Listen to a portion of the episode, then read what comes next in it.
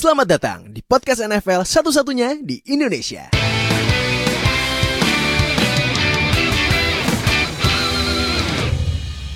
Balik sama gue Fadil host kalian di Zero Knowledge Podcast. Sekarang kita di week 9 review yang berarti kita udah 3 per sepet- dua per, eh, dua per 3 musim ya?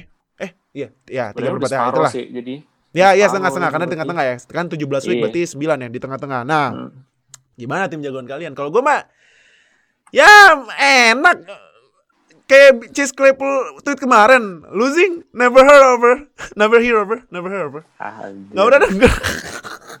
eh tapi kemarin lawan Cowboys gue kesel banget ini kenapa mainnya kayak gitu sih? Udah gitu terakhir-terakhir nggak nggak mau field goal lagi.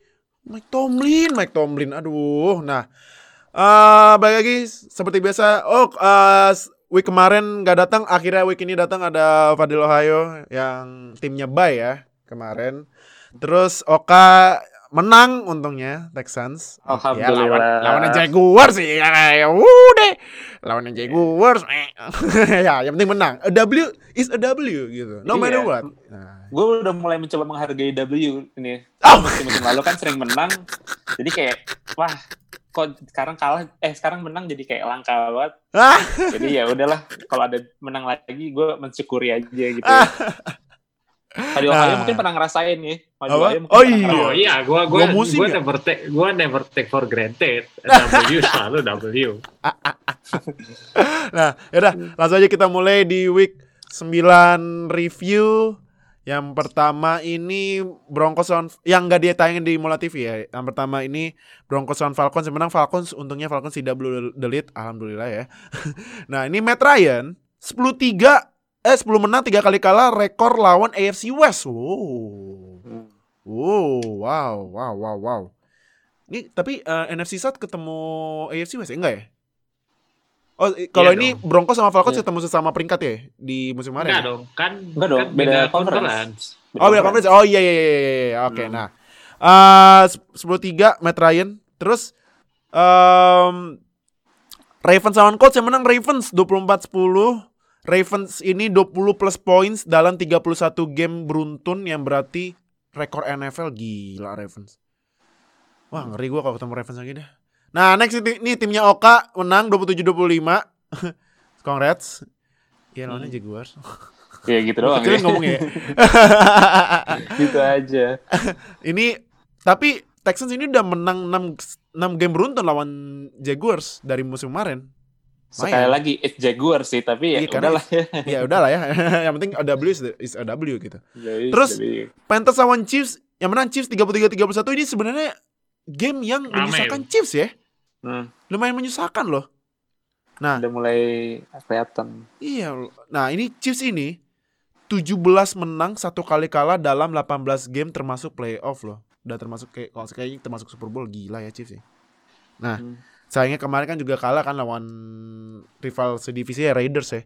Terus Vikings sama Lions menang Vikings 34-20. Dalvin Cook gile ya. Dalvin Cook 200 plus scrimmage yards, 2 plus touchdown dalam 2 game beruntun. Nah, ini gue mau gue ini ya quick answer aja ya. Dalvin Cook ah buat Fadil Hoyo. Dalvin Cook atau Derrick Henry? Pure runner nih. Pure runner Dalvin Cook lah. Dalvin Cook ya. Ah, Oke.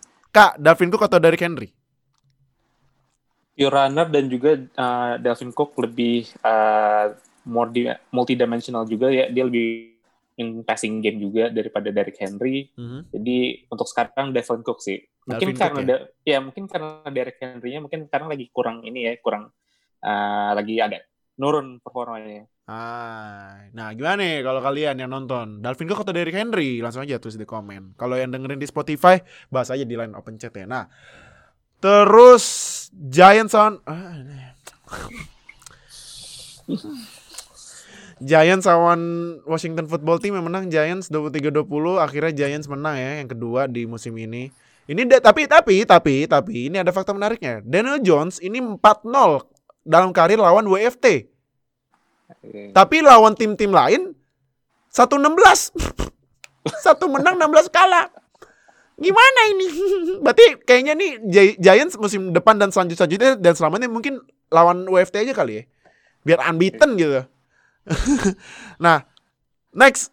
Aduh, ini ini nanti kita bahas bonus ya karena ini memang endingnya yang sangat-sangat menyakitkan tapi uh, banyak yang dipertanyakan ini. Nah, langsung aja next ini Dolphins lawan Cardinals. Dolphins menang gila nih Tua Tagovailoa. Wah, menang dalam start kedua di karirnya. Nah, ini Dolphins menang empat kali game beruntun pertama kali sejak 2016. Gila nih, berarti uh, buat fans Patriots ya ya udahlah sadar diri aja lah ya, udah lebih jelek daripada Dolphins gitu ya. Udahlah ya. Turunin aja ekspektasinya gitu. Nah next tim gua Allah lu kenapa sih mainnya kayak gitu lawan Cowboys aja susah banget tapi untungnya menang 24-19 disyukuri Ih, Steelers. Steelers. Ya disyukuri aja lah masih 8-0. Iya sih. Iya, iya sih. Oh, iya. Gue gue maksudnya gue mas ini tetap mengkritisi walaupun gue subjektif, tapi gue harus tetap objektif dong. Rival Nah. AFC North lu langsung kesel tuh. Hah? Rival AFC North lu langsung merasa kesel gitu. Oh loh. iya. Ya kalau Browns kejar aja lah Ravens. Ya ma- mau nggak playoff biar seatnya lebih mendingan gitu loh. Nah ini juga kemarin Big Ben cedera lutut lagi. Aduh gue udah panik nih. Katanya buat week 10 cautiously uh, ambitious. Nah katanya secara wanti-wanti ini kayak kemungkinan besar bisa main. Aduh, gue ngeri banget nih. Nah, tapi untungnya menang.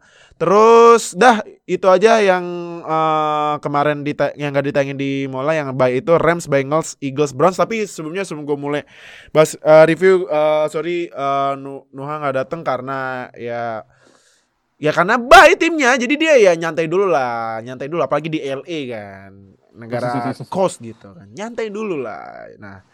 Yaudah kita langsung mulai aja di review pertama ini Packers lawan 49ers yang menang Packers 34-17 Ah, Lagi-lagi duo Aaron Rodgers dan Davante Adams memanjakan mata para fans Packers dan para fantasy player apalagi yang punya Davante Adams. Ini Davante Adams 173 receiving yard, satu touchdown. Gila apa nih emang ini Davante Adams. Hmm.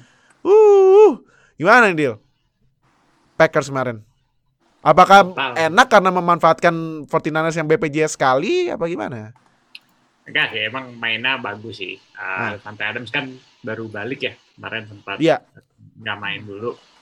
Eh, emang kerasa banget dia salah satu pemain premium di eh, NFL ya. Kerasa Hmm. banget kalau dia tuh kayak bisa seenak jidat gitu loh buat Iya. separasi. Terus dia sama Aaron Rodgers tuh berkali-kali kalau lihat tuh bola tuh keluar sebelum dia belok gitu kan. Jadi emang timing wise sama kayak pengertian satu sama lain tuh udah udah hampir unstoppable lah mungkin untuk levelnya di NFL. Cuma Hmm. ya ya gitu sih ya kasihan juga lihat 49ers-nya nggak ada nggak ada prestasinya sama sekali gitu. Kelihatan ya online-nya Packers bisa banget nahan gitu. Jadi Aaron Rodgers-nya ya udah aja enak aja ya berdiri-berdiri terus lempar jauh lempar jauh lempar jauh. Ya gitu sih kalau menurut gua eh, dibandingin nge-highlight eh, 49ers yang cedera-cedera, cedera ya kerasa kerasa banget kayak kumpul gitu si defense-nya. Uh, tapi menurut gua jauh lebih kelihatan uh, Devante Adams sama uh, Rodgers lagi prima banget kondisi. Hmm. Oke. Kak 49ers aduh gimana nih? Em, timnya BPJS banget apa yang apa tapi Richie James loh kemarin 184 receivingnya satu touchdown loh. Nah, Iya, ini berarti gimana nih adjustmentnya 49ers kalau masih mau playoff nih? Dengan banyak banget starter yang cedera gitu. Duh, itu rumah sakit San Francisco penuh Oke. banget kali ya khusus 49ers. Mereka juga mereka soalnya juga uh, in terms of injury mereka wide receiver hampir kosong. Hmm. Kemarin Nggak ya Richie- ada, bukan kosong lagi. udah kosong lagi, ada udah ya? udah nggak ada lagi. Sisanya Richie James doang ya sama Ross du- Duel ya? Duel. Terus duel itu kan tight end. Tight end ya? Kito, iya, gantiin Kito sama jadi dueli sama Jordan Reed tuh yang jadi tight end-nya. Terus running back-nya mereka ganti-ganti. Most, kadang Monster starter, Monster cedera, balik lagi McKinnon, McKinnon cedera, balik lagi Coleman, ganti-ganti terus. Terus juga uh, lineman mereka abis. Mereka uh, Trent Williams cedera juga. Uh, sisanya kalau nggak salah cuma McGlinchey doang yang starter. Terus ya defensive line abis, Bosa injury, Default default injury, Sherman juga sama Jacquizzy Tart uh, juga injury semua. Kalau dibilang mau adjustment ya uh, susah juga sih karena memang personelnya udah banyak yang masuk IR. Nah, Tergantung kalau misalkan mereka bisa uh, balik pulih tepat waktu karena mereka sekarang udah di bawah 500 dan lawan-lawan mereka juga dan juga mereka di divisi yang keras banget loh divisinya keras Hmm. banget ada Iya. Seahawks ada Rams sama Cardinals mhm. dan juga mereka juga bakal gue lupa Jimmy Garoppolo IR ya IR juga. IR sampai Habis. akhir musim ya? Tapi Iya. IR-nya masih oh masih 4 minggu atau 6, 6 minggu ya gue lupa. 6 minggu kayaknya. Iya. Kayak enam but minggu, empat for minggu iya four weeks For di- until 6 weeks ya? iya for until six week di pertengahan musim ke, eh, musim paruh dua Aduh, itu berpengaruh banget untuk uh, Banget. lo kalau misalkan masuk playoff banget. dan Nick Mullins juga kemarin it's uh, ya dia cuma bisa pakai apa yang dia punya ya ada Richie James itu ya karena dia yang open ya itu itu itu aja Richie James itu pun kadang uh, Derek McKinnon kadang dipakai juga dan sebenarnya juga lumayan juga untuk running game-nya mereka nggak terlalu buruk-buruk banget lah ya Mhm. nggak terlalu buruk-buruk banget. Ya lawan mereka juga Packers yang lagi on fire banget kan ada dengan Rodgers dan juga Devante Adams dan uh, Valdez Scantling juga kemarin bikin dua touchdown juga kan tuh. Jadi Iya. emang lawannya yang berat dan juga mereka juga kekurangan personel dan ya susah juga mereka untuk bikin adjustment untuk uh, dengan personel yang mereka punya. Hmm. Oke. Nah, eh ini kalau lihat dari stats-statsnya, hmm, dari tim statsnya, eh, aduh rushing yards 49ers padahal eh, padahal Green Bay kan rush defense-nya jelek ya.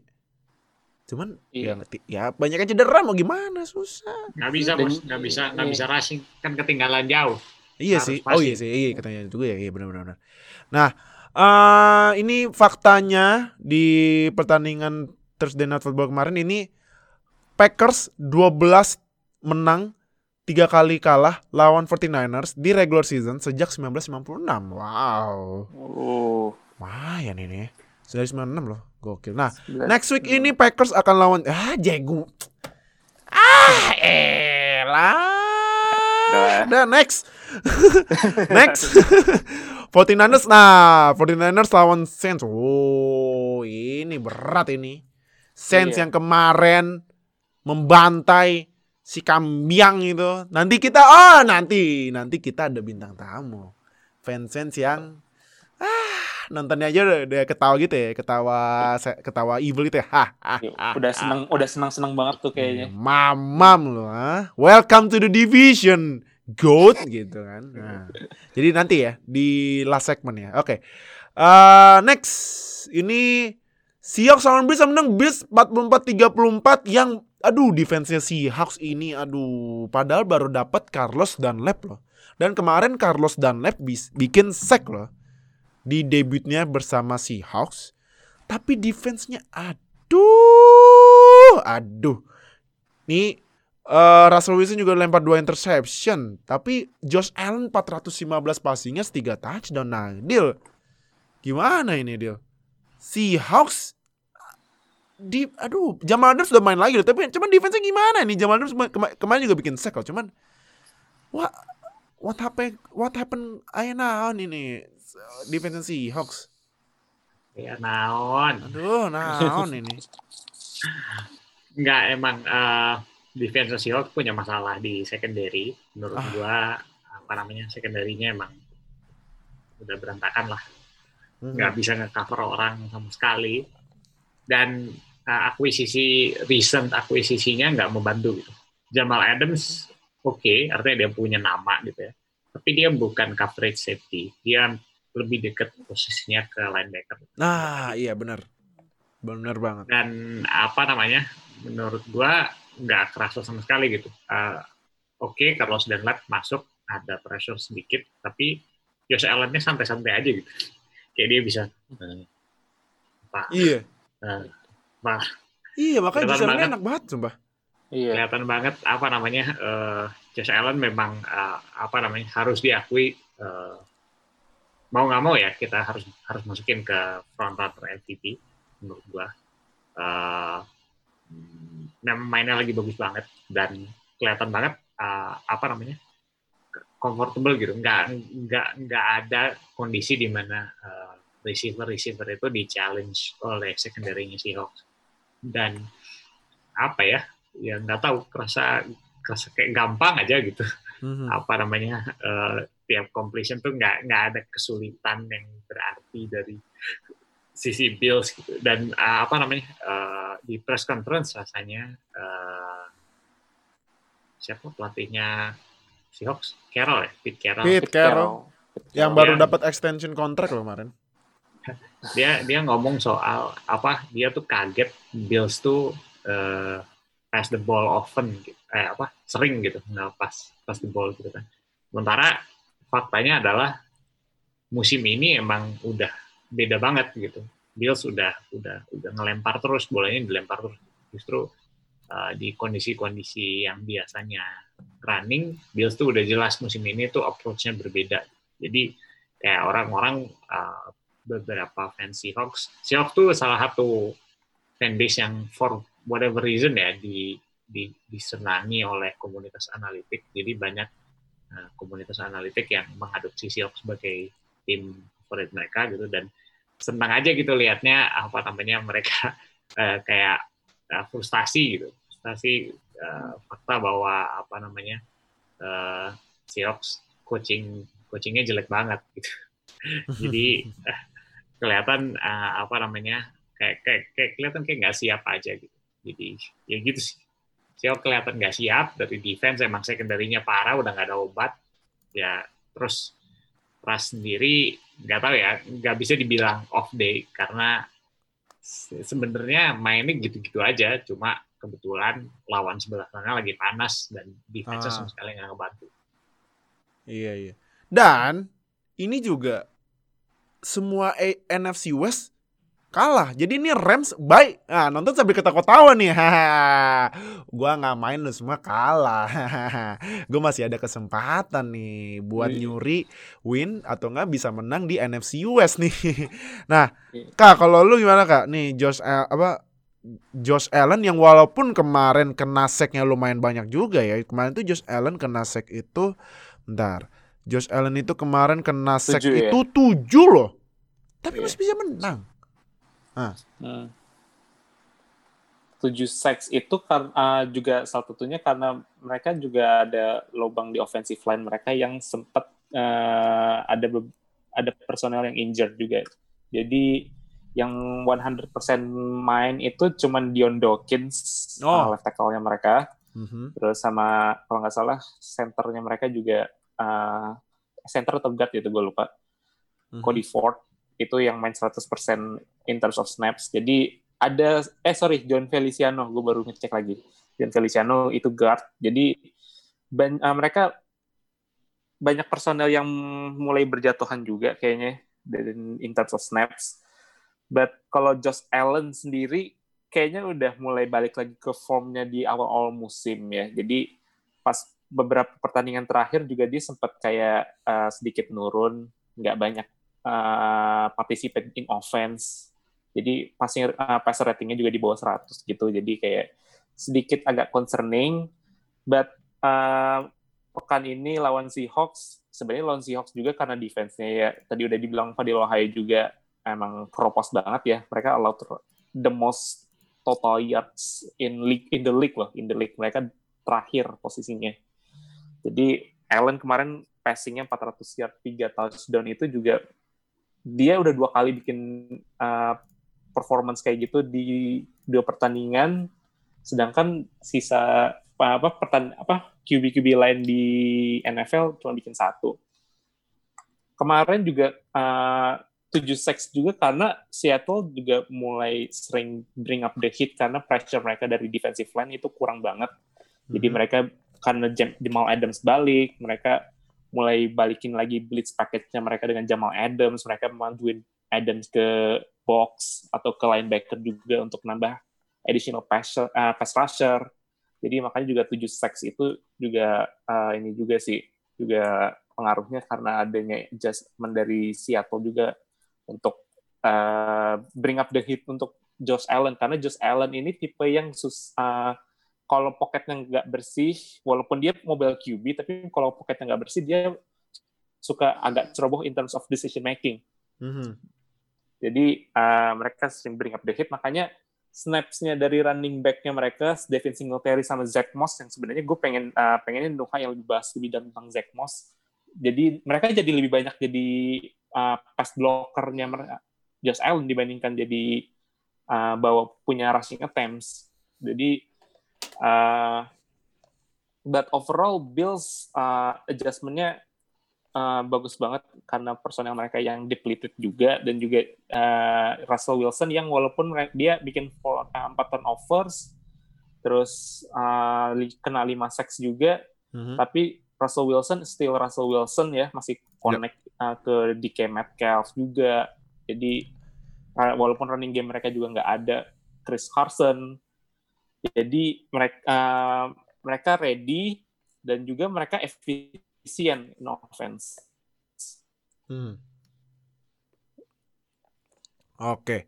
Nah, em, ini kalau faktanya Bills ini start 7-2 pertama kali sejak 90 1993 berarti Oh, Oke, jangan kan ini jebakan umur. Maaf.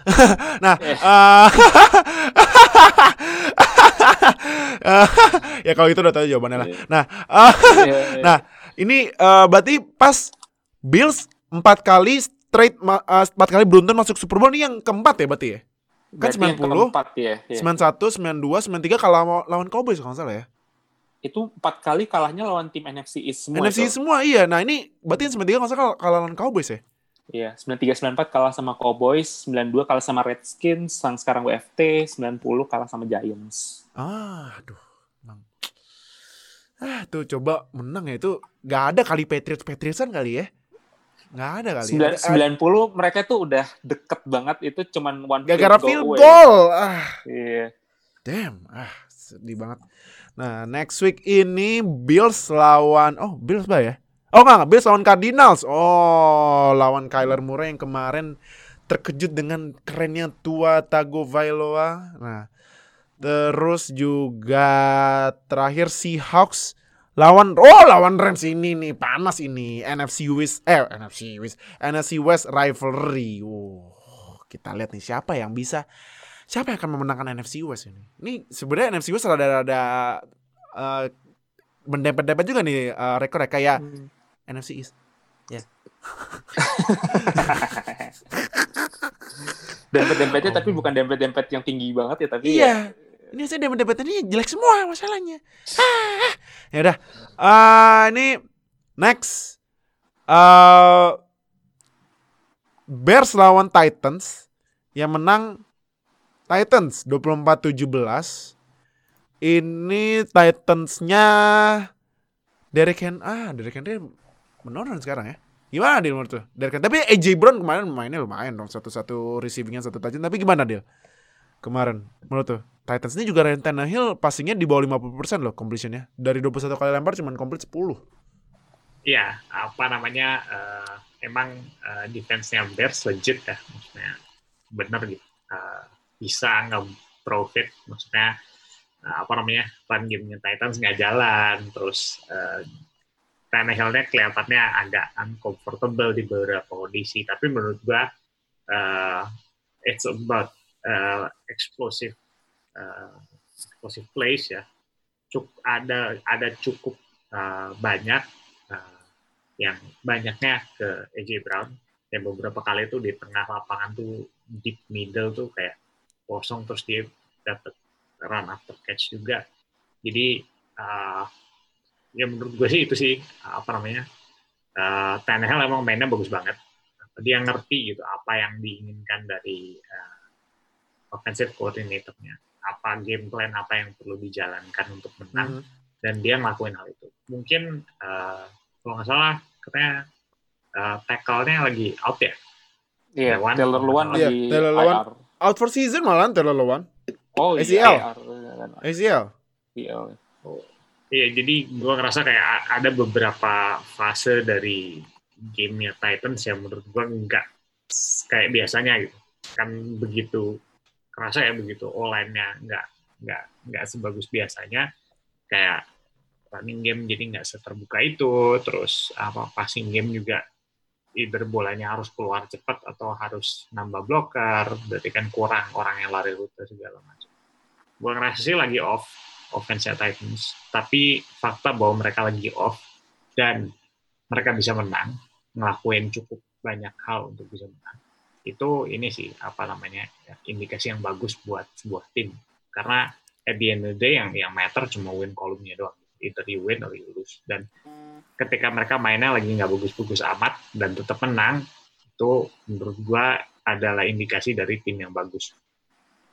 Hmm, oke oke oke. Nah, Bears, duh, padahal bisa bisa manfaatin ya ini eh, pas defense-nya lumayan walaupun nggak bikin inter- interception tapi ya bis ya bisa bikin Ryan Tannehill cuman 20 apa di bawah 50% cuman ya AJ Brown-nya ah ini ya nembus mulu masalahnya. Nah, gimana nih Kak Nick Foles 52 passing attempt tapi 335 passing yards, 2 touchdown cuman nggak cukup gimana nih?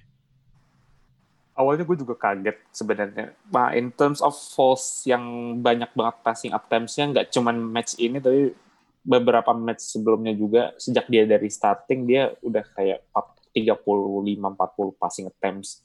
Awalnya gue pikir kalau misalkan falls yang maju dia bakal lebih kayak jadi game manager. Dia bakal cuman kayak passing 25 kali, 30 kali. Terus running game-nya mungkin lebih jalan. Entah mungkin karena Matt Nagy-nya ini yang agak greedy, agak greedy in terms of play calling, terlalu banyak passing plays. Mungkin ngiranya karena Tennessee uh, in terms of defense nggak uh, nggak bagus, nggak sebagus defense-nya mereka. Jadi mereka kayak bebas-bebas aja lempar lempar lempar terus, walaupun akhirnya juga nggak efektif banget. Bahkan third conversion-nya mereka aja dua dari 15 ya, jauh lebih buruk dibandingkan dari Titans. Dan uh, dua touchdowns-nya Bears juga kan uh, muncul di garbage time ya, garbage time fourth Iya. quarter yang mereka lagi ngejar. Ya, jadi nggak ngaruh apa-apa. Jadi uh, definisinya empty stats kalau dari false itu untuk dua touchdowns.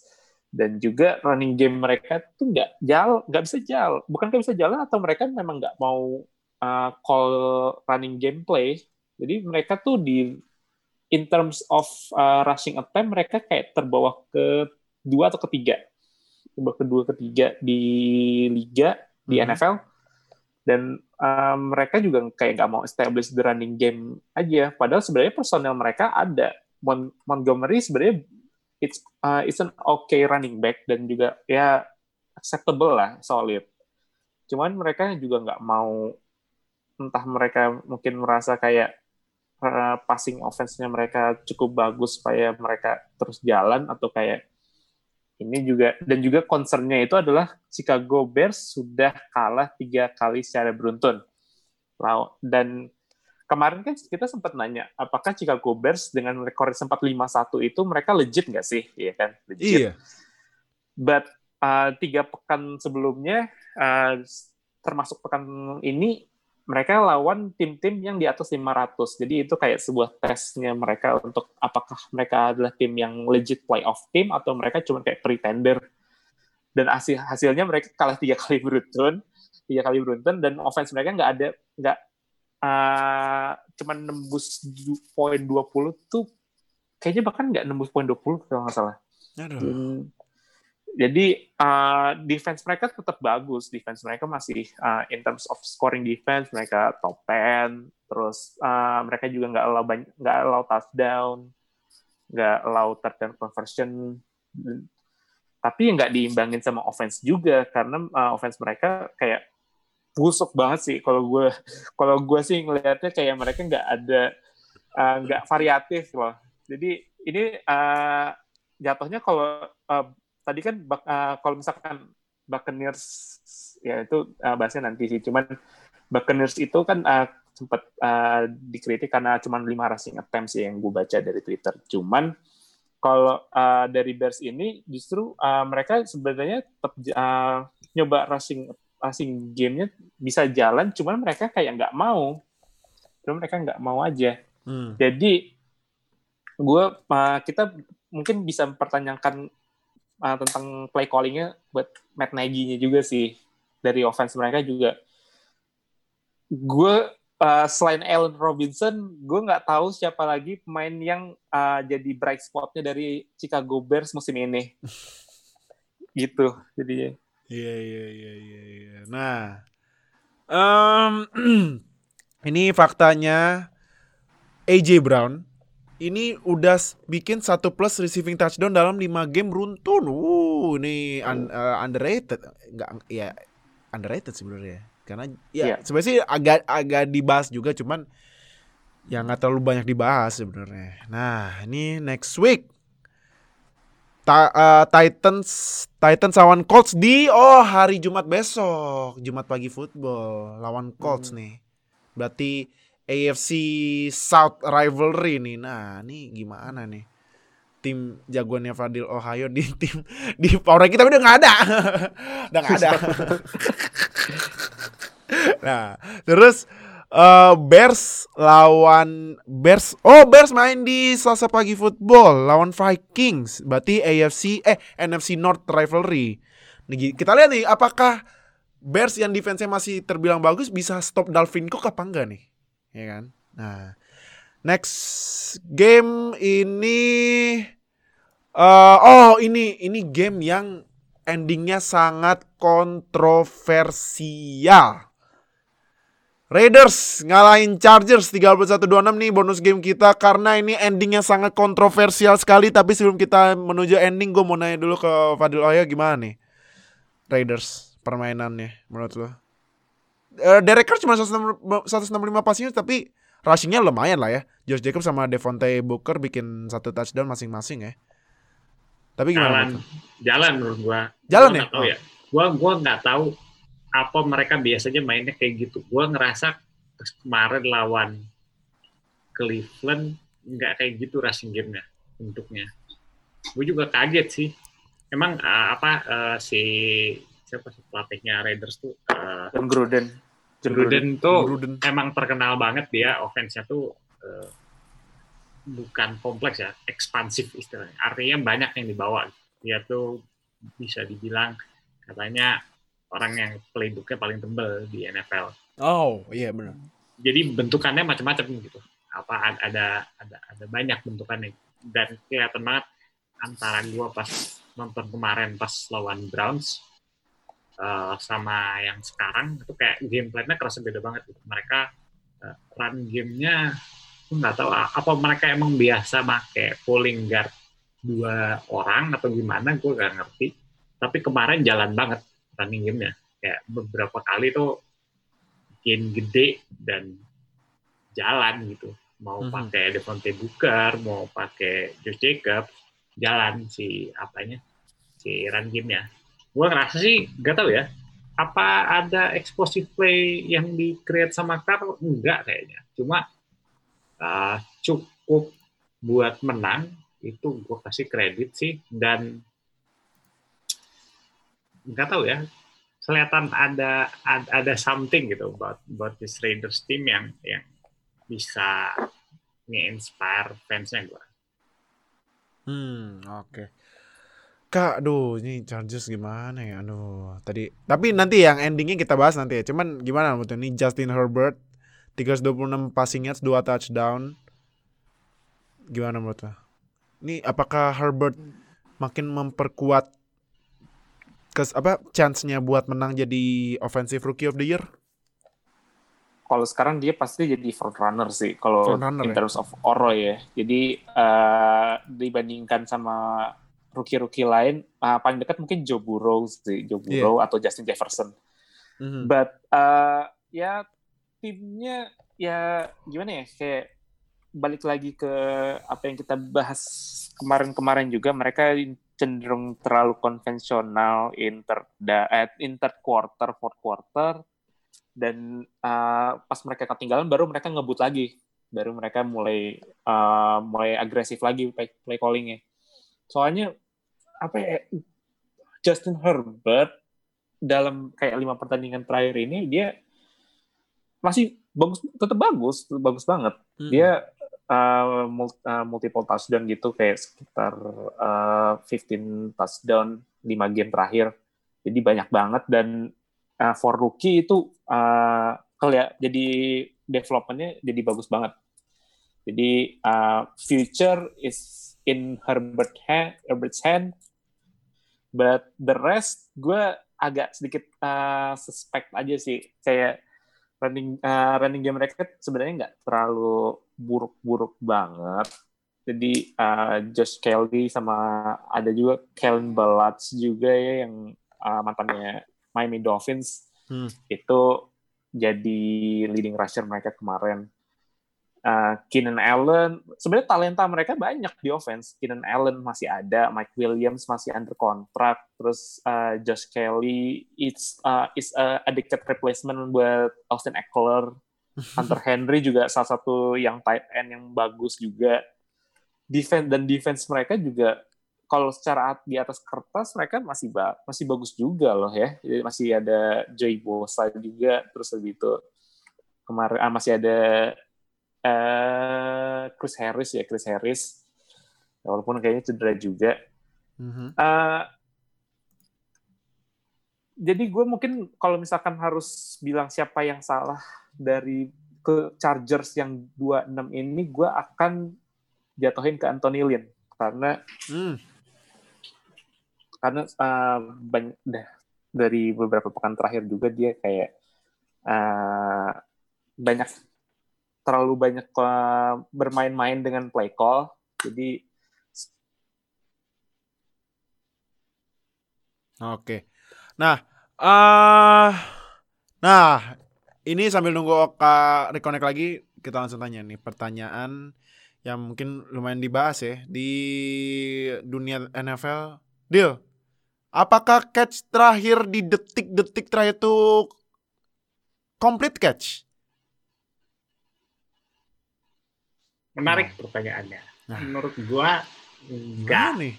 Padahal kan eh, catch complete catch itu udah direvisi, udah di- dibikin sesimpel mungkin, tapi kemarin aja masih ada kontroversinya. Nah, gimana menurut lo?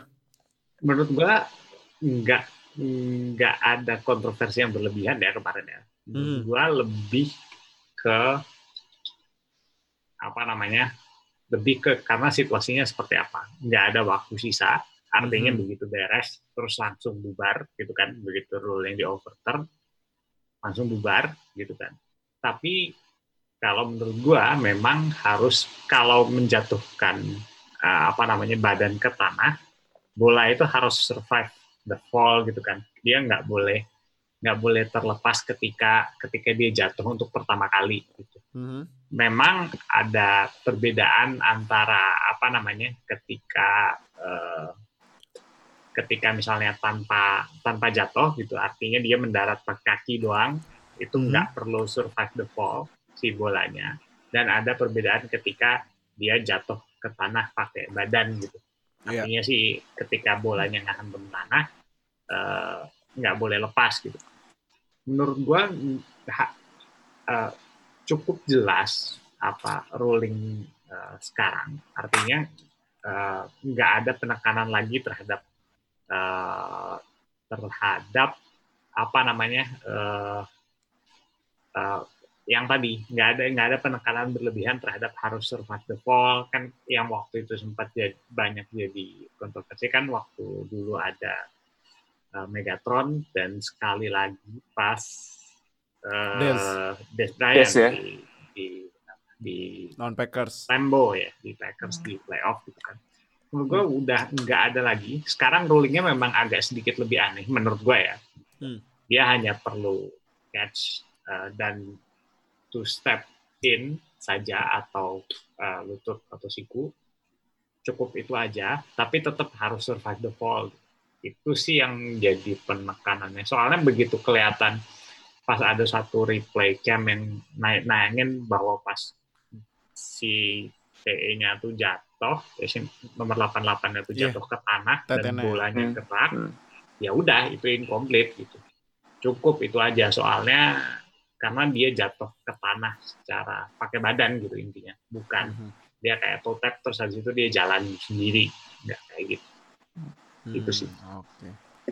Jadi kesimpulannya complete or incomplete? Incomplete. Incomplete dong. Incomplete. Incomplete. Je- Jelas Incomplete. menurut, menurut gua, menurut gua mm, kalau misalnya dalam kondisi normal, artinya masih ada waktu sisa, terus waktunya eh, atau bukan pas di end game, misal third quarter atau something gitu, nggak ada yang nggak ada yang bakal bilang itu kontroversial. Menurut gua menjadi kontroversial ka- simply for the fact that it matters a lot karena udah nggak ada waktu sisa kan. Itu kan beneran udah habis waktunya Mhm.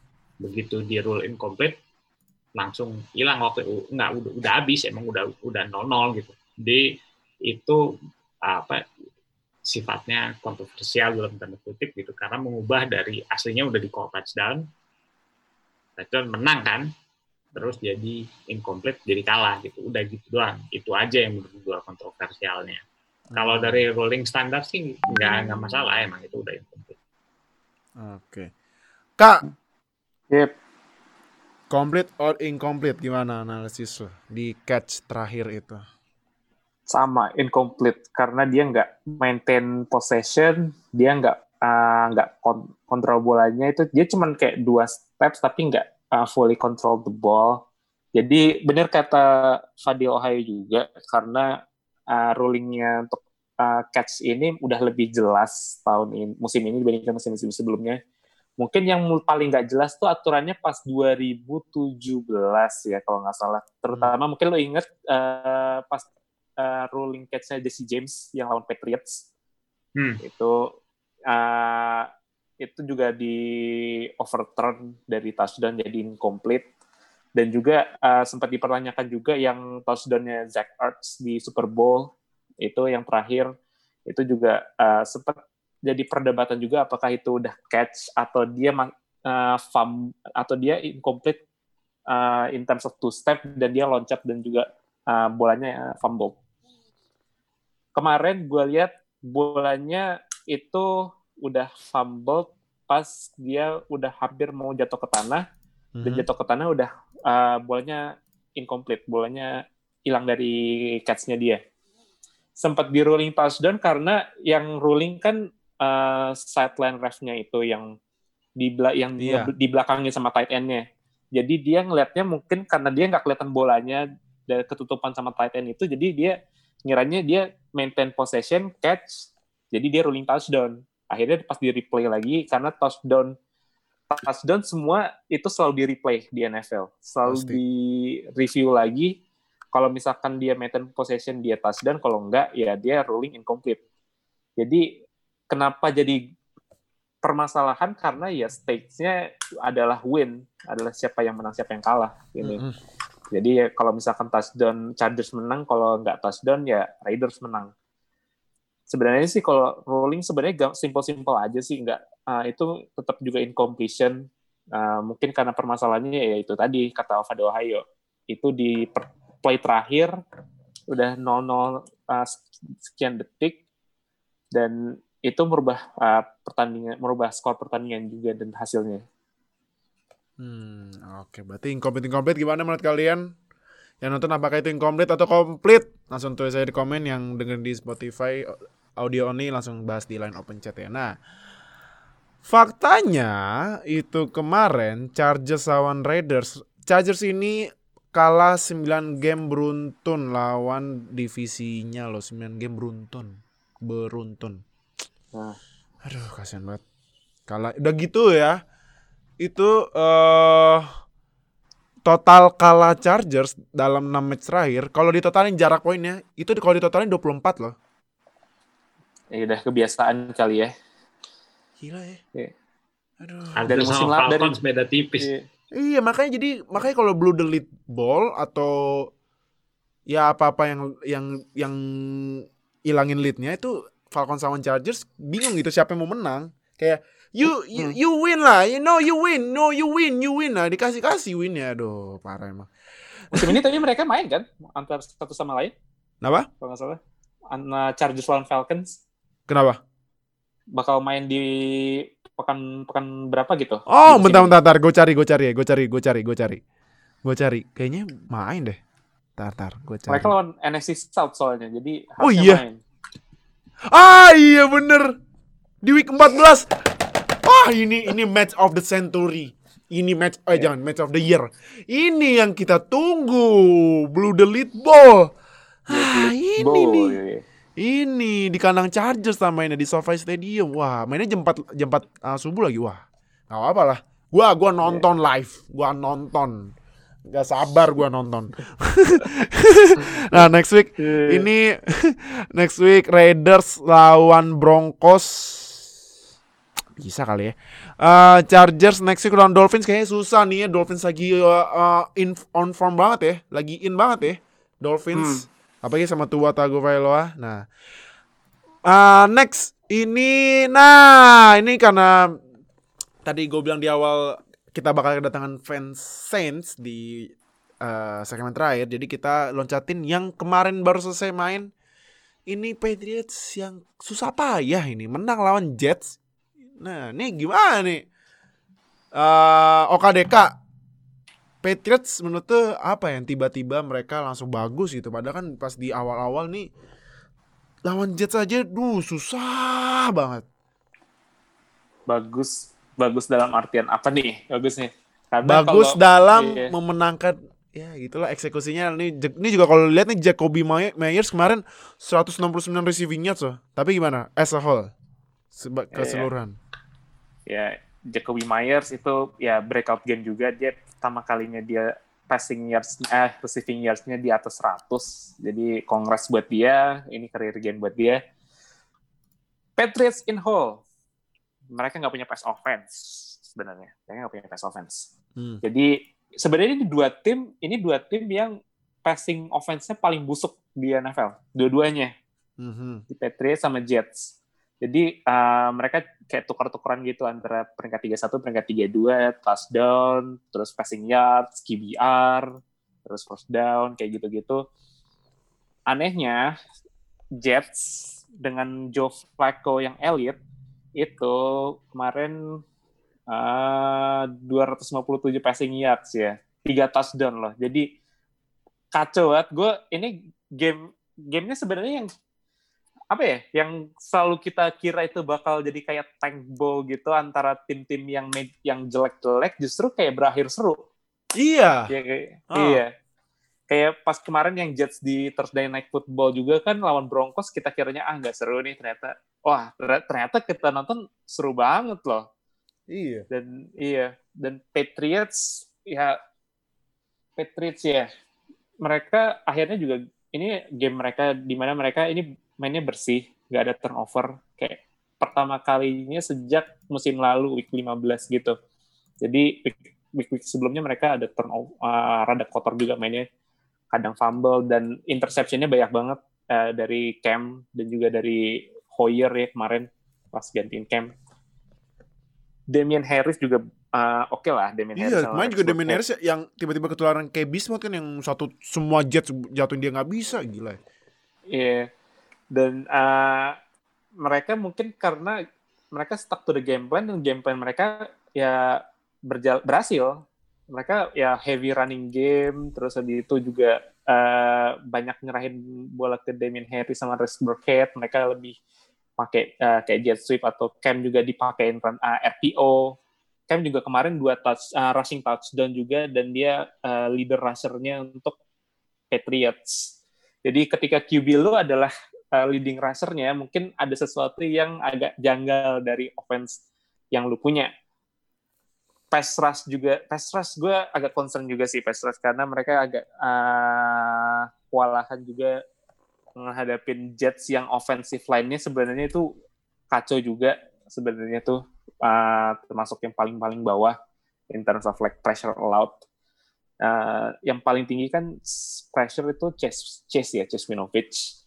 Selain itu nggak ada lagi yang generate double digit pressures. Jadi concerning banget dan mereka kalau misalkan mereka posisi draft pick mereka tinggi, itu yang paling harus dicari adalah mereka cari pass rush, mereka cari defensive stats di draft uh, karena Stephon Gilmore nggak mungkin carry uh, defense-nya sendiri sama Devin McCourty, Jason McCourty. Mungkin uh, bisa dibenerin kalau misalkan main-main yang kemarin opt out dari Patriots balik lagi kayak Hightower sama Patrick Chung. Dan ya kemarin JC Jackson yang sempat gue bilang sebagai salah satu breakout playernya Patriots kemarin kena ke burn juga sama Iya. Perryman lah. Yang yang kepleset itu kan?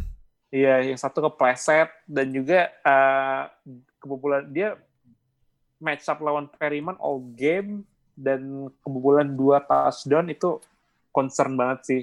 Karena dia sebenarnya juga CD2 kan. Dia CD2 dan Perryman adalah WR satunya Jets. So the matchup uh, yang sebenarnya itu harusnya dijaga sama Gilmore. Mhm. Gilmore kan cedera, Gilmore cedera akhirnya ganti JC Jackson. Walaupun JC Jackson kemarin juga bikin satu interception juga yang lebih gue tunjuk ke kesalahannya Flacco karena Flacco uh, Flacco bad throw juga. Jadi uh, pass offense adalah concern, pass rush juga concern, dan uh, WR juga. WR juga uh, selain Jacoby Myers, sisa siapa lagi sih? Edelman paling. Edelman udah nunggu waktunya untuk pensiun. Mhm. Damien Damien Bird juga eh, gimana ya Damien Bird, Jacoby Myers, Gan uh, Gunnar Olszewski, terus tight end-nya juga masih rookie uh, sama yang Ryan Izzo yang kemarin uh, para teman-teman sekte udah frustasi juga dengan tight end mereka. I- ya banyak banget yang harus dibenerin sih. Dan di draft mereka mungkin li, gue nggak nyarankan mereka untuk tanking, tapi kalau mereka punya draft pick yang lebih tinggi dan bisa draft stats mungkin wide receiver atau defensive end itu bagus bisa bagus banget untuk mereka sih. Hmm, oke. Deal, gimana? Aduh, Jets apa gimana? menurut- Apakah Jets being Jets apa gimana? Apa yang salah sih? Udah memimpin juga. Aduh. nggak tahu ya eh, kita nggak nggak tahu eh, at the end day apakah mereka lagi tanking tapi kita nggak tahu gitu kan bisa aja itu Hmm. ada konspirasi yang tersembunyi gitu kan emang emang mereka niatnya mau mau secure number one pick ya ya kita kita nggak tahu juga gitu atau memang eh, Adam Gase memang nggak layak jadi head coach gitu kan. Itu yang sedang di kayak dikejar-kejar sama orang kan. Mhm. Iya. ini ini mah Adam Gaze aja nggak benar. Ah, ada indikasi kayak gitu cuma mana ya? Kita nggak tahu apa defense-nya Pats yang sejelek itu atau memang mereka ah, mengalami eh, defisiensi talent ya. Maksudnya kan memang ada yang opt out musim ini dari Pats tapi kayaknya kok bisa bisanya ngebuat offense yang dipimpin oleh Adam Gaze jadi kelihatan oke gitu bukan oke sih, tapi ya ya viable lah. Kelihatan kayak offense-nya jalan, ada big play lah. Terus kemudian run game juga jalan. Kelihatan beberapa kali kayak Frank Gore yang sudah tidak tahu berapa lama sudah ada di NFL Iya. masih bisa beberapa Hmm, kali dapat run yang konsisten bagus gitu yardage-nya gitu kan. Hmm. Ya at the end of the day kita nggak tahu ya apa apa Eden Gaze lebih cocok sama Joe Flacco dibandingin sama Sam Darnold. Terus apa namanya emang mereka lagi tanking aja takut kebalap sama tim-tim lain supaya first pick apa gimana nggak tahu juga gitu kan terus ya gitu sih lebih ke kita nggak tahu apa memang eh Jetsnya jelek Jetsnya beneran jelek itu yang paling mungkin sih. Mereka tanking atau gimana ya nggak we can't say for sure gitu. Cuma rasanya aneh aja gitu kalau misalnya Jets itu jelek terus tapi sempat bagus mainnya di awal-awal. Hmm, oke. Nah, eh faktanya ini Jets 09 start pertama kali dalam sejarah timnya lah. Pertama kali ya. Ini uh, week ah faktanya lagi, ini week week ini week berapa ya? Week Sembilan. Sorry. week 9 Sembilan. ini dua tim pertama kali dalam sejarah. Steelers pertama kali 8-0 dalam sejarah, Jets pertama kali 9-0 eh 0-9 dalam sejarah. Sombong, ya. Sombong. kan kan Tidak- kan, tidak- kan tidak balance kan Tidak ngebalance bersyukur. kan Bersyukur ngebalance nih abisnya gue baru dapat 8-0. breaking news kalau boleh ini ya uh, nyisipin dikit Big Ben masuk reserve COVID-19 list aduh baru COVID-19 list. reserve COVID-19 list Bukan cedera. gak Wih, J- jadi detek positifnya kapan itu? Pas lagi main dong? Atau gimana? iya selesai enggak main enggak bisa bisa kayak kemarin Mayfield dia kontak sama Kontak. staff staffnya kayaknya yang yang iya ah makanya aduh udah berarti ya dari sekarang gue buat booking di week 10 review congrats buat Bengals easy win easy peasy lemon squeezy win buat Bengals ya di week 10 Kesel banget gue. Mantep ya Bengals ya. Keren ya, enak ya, menangnya ya. Oke. Jadi ya nggak apa lah kalah satu nggak apa-apa. Easy men, easy win kok buat Bengals gitu. Ah, aduh. Tiap, tiap yaudah. minggu lo ngejinx mulu ya kayaknya. Tapi emang easy win ini. Big Ben masuk ini reserve COVID-19 list. Ah, aduh. Udah, udah. Jadi eh next week tamping. Patriots lawannya Patriots bye ya? Oh, enggak, Patriots lawan Ravens. Ah, nih mah Ravens gampang. Eits. Oke. Eits. Harus Ravens gampang ya. Hmm. Eh, Jets yang masih Jets next week bye loh. Wah, akhirnya Jets gak main. Akhirnya Jets bisa istirahat ya dari penderitaan 09. Jadi ya udah itu oh tapi ada faktanya lagi. Ini Jets ini eh, terakhir main di prime time. Berarti ini kemungkinan kayaknya mungkin Adam Gase terakhir main di ini ya malam-malam ya. Kayaknya nggak tahu deh. Nah, sama ini juga nah ini uh, sebelum kita mulai apa sebelum kita ke segmen terakhir ada fans Saints ini katanya prime time terakhirnya Drew Brees. Nah, Oh. jadi apakah ini kalau misalnya musim depan uh, Drew Brees pensiun apakah ini perpisahan terakhir Drew Brees main di malam-malam atau gimana? Nah, kita lihat dan kita bahas nanti ya. Di segmen terakhir jadi ya udah kita langsung undang tamunya tapi sebelumnya kita nonton iklan dulu ya. Ya, seperti yang gue bilang tadi, kita kedatangan bintang tamu yang mungkin kalau lo non, eh, ngikutin di line open chat, dia kalau mungkin ini kali bisa dinobatkan menjadi ketua pasukan Saints kali ya. di Indonesia kali ya. Iya. Nah, ini ada Bang Etli tuh yang udah pakai polo Saints. Oh, udah siap ya.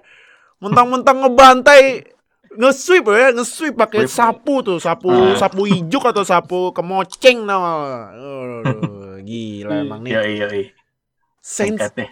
ngebantai. Gua gua gua anggap ini bantai sih. Bantai. Ini bantai Buccaneers 38-3. Gila, Pak. Uh, Lu membuat tim lu membuat Brady tuh mukanya kalau di close up tuh orang anjing nih ya, apaan sih? Kampret gitu kan. Gitu disorot Iya. lagi anaknya tidur ngenyot nyot nyot nyot nyot, nyot gitu.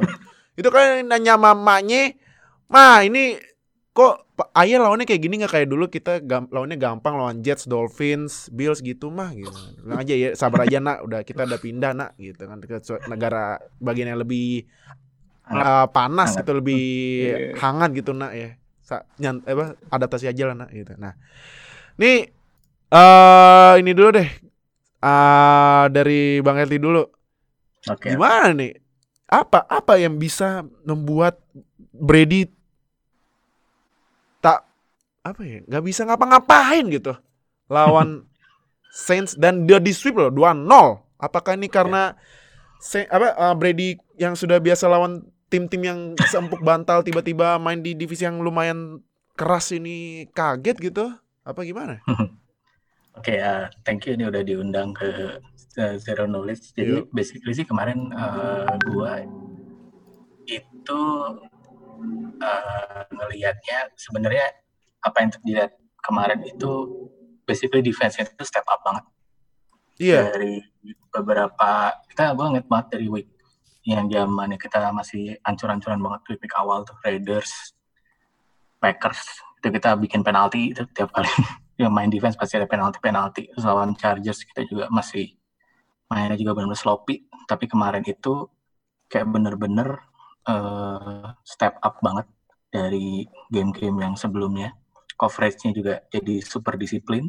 Hmm. bener-bener eh, WR-WR-nya eh, apa WR-WR-nya si Buccaneers itu bener-bener kejaga ketat banget sampai nggak eh, ya ada reception cuman nggak berhasil sampai ada yang bisa jadi big plays atau yang eh, sampai jangan sampai touchdown aja nggak ada itu Mhm. dan ya as always ya pasti kalau udah ngomongin match up-nya WR-nya Bucks sama CB-nya Saints sih pasti nggak akan jauh-jauh dari Latimore sama Evans ya yang which is itu always uh, they, uh, they have a rivalry between them gitu. Dan ternyata kemarin itu setiap kali Evans di match up sama uh, Latimore itu dia ditarget dua kali no reception.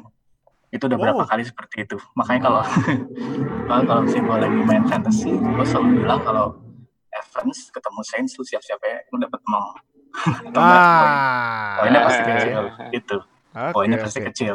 Nah, ini kan tadi kan lu ngomongin defense kan. Kalau offense-nya Hmm. ya Michael Thomas balik lagi kan. Ah, Yoi. Michael Thomas nih gimana nih Michael Thomas nih? Si yang selalu berkomentar kalau lagi nggak mood di sosial media yang katanya ketularan Hmm.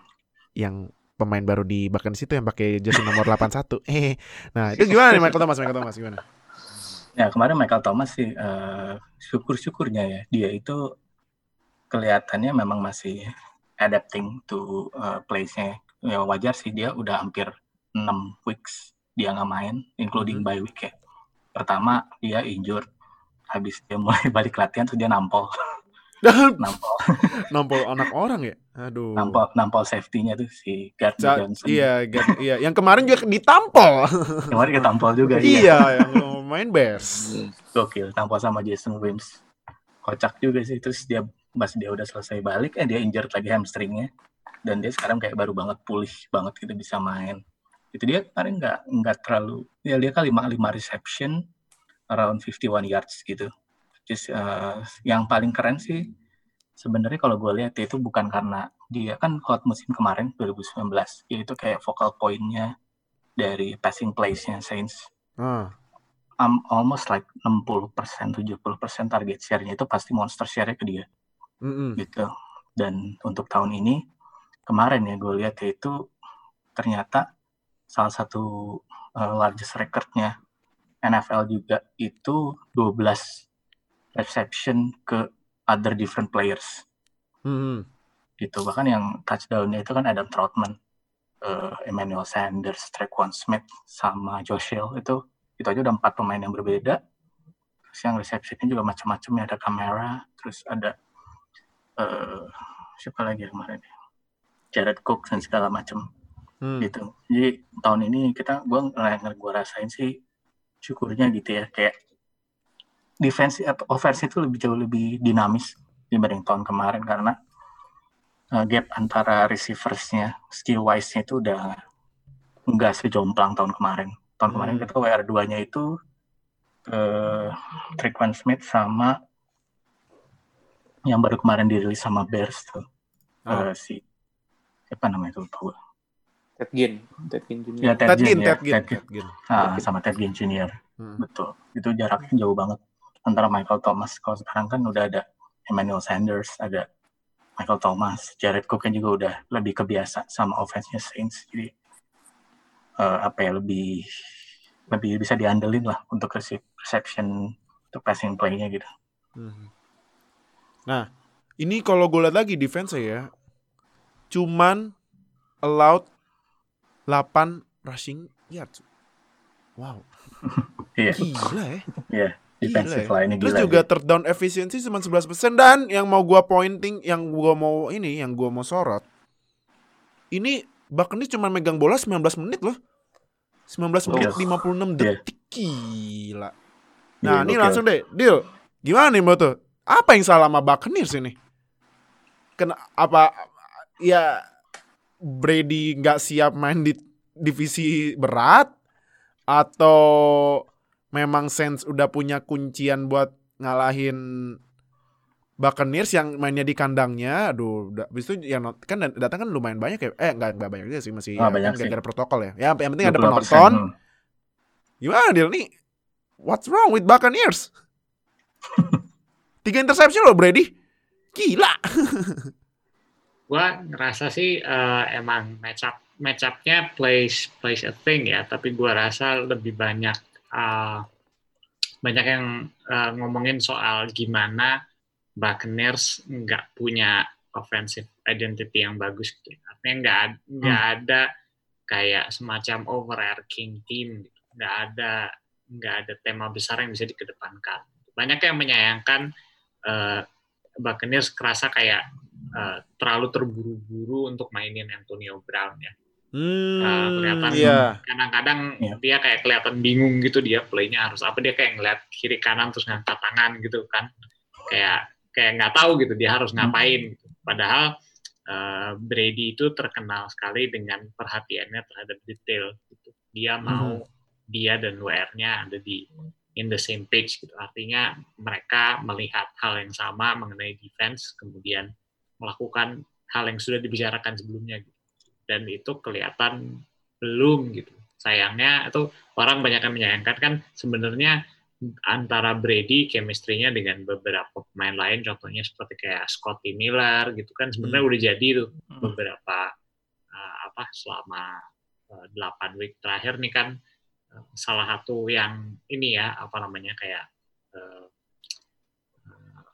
uh, a rising player gitu di di Buccaneers kan nomor 10 si Scotty Miller itu kan dan uh, disayangkan aja gitu kenapa harus ngeburu-buru uh, AB buat main dan makan uh, snap share-nya uh, dari pemain-pemain lain gitu Hmm. juga kayak kerasa di beberapa situasi kayak mereka berusaha ngasih bola ke running back mereka lewat passing game gitu sementara secara talent itu uh, Hmm. passing game buat WR mereka itu jauh lebih superior gitu ada beberapa kondisi eh ada beberapa play di mana kayak uh, mereka berusaha nge-set up bolanya cepat ke running back gitu sementara running back mereka dalam hal passing game bukan yang bukan yang kayak super weapon kayak Kamara gitu kan. Itu Hmm. aja sih menurut gua lebih ke apa konstruksi offense-nya yang nggak nggak begitu uh, meyakinkan dan uh, ada juga beberapa di di sisi lain dari bola di defense yang Bucks juga kelihatan kayak beberapa kali ketika mereka maksain main zone artinya nggak ngunci satu lawan satu gitu Mhm. itu cuma cuma play right into uh, the Saints strength kelihatan banget Hmm. Uh, Pak Drew Brees uh, sangat nyaman gitu back apart gitu tinggal lempar lempar lempar gitu Iya, Rasa, enak eh. banget tau Hmm. Drew Brees mainnya beneran. Iya. itu apa namanya ya cuma tinggal ngambil what they they they they they give aja gitu dan Hmm. nggak ada nggak ada perubahan yang kayak eh, nggak ada perubahan dari coaching staff itu aja sih yang sebenarnya kayak banyak disayangkan orang-orang kayak kalau di atas kertas kalau cuma ngelihat talentnya doang harusnya nggak kayak gini hasilnya. jadi ya ya gitulah menurut gue Hmm. Oke, nah, eh kak, Yep. sekarang kalau lo gimana? What eh kalau dari Sen sendiri gimana? What went right sama eh Sense? Mungkin buat support eh, Bang Etli gitu, eh poin-poinnya atau gimana menurut lo? Kayaknya juga dari uh, Bang Ed udah banyak yang di point out juga sih. Kayak mereka bikin uh, adjustment-nya juga bagus banget kemarin. Kayak uh, oh banyak match up-nya juga yang antara CB sama WR-nya mereka yang work uh, into Saints way lah. Kalau Mhm. bisa dibilang kayak Latimore sama Evans tadi ya, Latimore sama Evans. Terus uh, Godwin juga eh Go- uh, Antonio Brown sorry, Antonio Brown dijaga sama ini kan uh, Jonas Jenkins. Hmm. Jadi mereka uh, banyak manfaatin one on one matchup juga. Dan satu hal lagi mungkin di point out di offense ya karena kemarin walaupun Kamara nggak terlalu kelihatan in, uh, in terms of stats ya, in terms of performance, tapi mereka uh, bisa kayak bikin kreatif uh, desain dengan Taysom Hill, dengan Hmm. Taysom Hill. Betul. Karena dari statsnya dari statsnya aja Taysom Hill udah uh, statsnya termasuk unik sih. Jadi 40 passing yards, 50 uh, 50 something rushing yards dan 20 receiving yards. Hmm. Jadi dia uh, do it all in- uh, dan juga banyak juga mereka lebih kreatif dan juga banyak uh, kayak pilihan antara untuk targetnya juga dengan adanya Michael Thomas dan Breeze juga nggak banyak bikin nggak bikin kesalahan kecuali uh, mungkin satu fumble yang di return sama uh, Buccaneers kemarin sih Hmm. sam- walaupun itu pun juga sampai digagalin untuk turnover on downs di goal line loh Hmm. dan perlu point out juga bahwa uh, di beberapa week sebelumnya juga di uh, eh, di tujuh pertandingan awal sebelumnya mereka juga in terms of third down itu termasuk jelek termasuk Hmm, jelek mhm. dan juga uh, mereka sering kebobolan touchdown in, uh, in red zone Mhm. jadi um, makanya sempat di point out juga bahwa di goal line itu mereka uh, kebobolan selalu kebobolan touchdown ketika lawan udah masuk ke situasi first and goal, Mhm. situasi first and goal. Betul. Jadi uh, adjustmentnya terutama juga kayak Demario Davis, terus Marshawn Lattimore juga uh, disiplin juga mainnya dan juga not many pass uh, defensive penalties yang benar-benar costly banget untuk Saints. Jadi emang udah uh, kelihatan adjustmentnya udah semakin bagus dan Hmm. juga uh, ya Saints as a contender maybe. Oke. Nah, em, ini next week. Oh ya, ada faktanya lagi. Ini Tom Brady. Ini tiga interception pertama kali sejak week 3 2011 gila loh. Ya gini juga- lah, ya iya. kaget. Ya, Iya. Gue bilang, gue udah bilang dia kaget ini. Bukan bukan Dan- karena Bucks hmm. jelek. Gue gue bilang Brady kaget. Ya, Hmm. tapi kan itu kan alasan buat yang lebih yang yang enakan gitu ya buat siapa tahu fans baru Bucks baru Hmm. ini pada bingung kok ini Brady ini kayak gini ya ya ya, Hmm. ya emang jelek cuma kan ya ya biar enakan gitu ya biar sama-sama enak gitu nah dan, dan kadang-kadang juga gitu Brady aja. ini iya Hmm. Brady ini juga performa terburuk sejak eh sejak 2005 kalau nggak salah Tuh. 2005 Hmm. dan dia Hmm. mereka dia soalnya Brady itu 209 yards nah Hmm. eh jadi oke sama Kata Chris tadi ya. eh udah Hmm. berarti next week ini Saints, Saints, Saints, Saints, Saints, Saints, Saints. Oh, Saints bay ya? Oh, Saints enggak, Saints lawan 14. Nggak, Ah, 14. lawan 49ers. BPJS semua pemainnya. Eh, ini mah. Eh. Ah, cuman kalau kalah sih gue what? nah, kalau Buccaneers next week lawan Panthers. Ah, Panthers yang kemarin juga sebenarnya Hmm. eh ini juga Oke ya Panthers itu ya. kemarin Ditahan sama Casey. kalah sama iya ka- ta- kalah tapi sebenarnya ngasih perlawanan juga ke Chiefs. Iya, betul. Apalagi CMC balik lagi. Nah, siapa tahu Hmm. ya Brady bisa nyari buat pelampiasan gitu kan. Nah, jadi yaudah itu buat episode kali ini thank you banget Satu- Bang satu- Etli satu udah join. Thank you banget buat Fadil Adeloyo udah join. Thank uh, gua mewakili Tadi satu fact uh, gua mewakili ini seperti biasa mewakili Oka yang tiba-tiba DC maklum ya, internet Indonesia ya gitu lah ya. nah, jadi thank you banget yang udah nonton. Jangan lupa subscribe, klik lonceng sampai subscribe biar kita upload langsung nonton, langsung update sama NFL di Indonesia dan jangan lupa like, comment, share video ini. Jadi thank you udah nonton. Eh, jangan lupa episode-episode terbaru dari kita dari Zero Bus buat fantasy buat kalian main fantasy karena fantasy is life pastinya karena juga kalau lihat di line open chat yang thread-thread eh, fantasy pada emosi semua dan saya sangat menyukai emosi-emosi itu. Nah, jadi ya memang fantasy is life gitu. Nah, nah, jadi dan juga satu lagi jangan lupa Dewa Medan is back. Balik lagi akhirnya itu Dewa Medan ya si kampret tuh. Nah, jadi udah itu buat epi, eh, review hari ini. Thank you buat udah nonton. See you next week di week 10 review kalau nggak kenapa-napa seperti biasa di seperti biasa di Rabu malam ya. Dadah. Terima kasih telah bergabung dengan Zero Knowledge Podcast. Follow kami di Instagram dan Twitter at NFL. Atau bergabung dengan kami di Line Square dengan keyword NFL Fans Indonesia. Sampai jumpa di podcast berikutnya.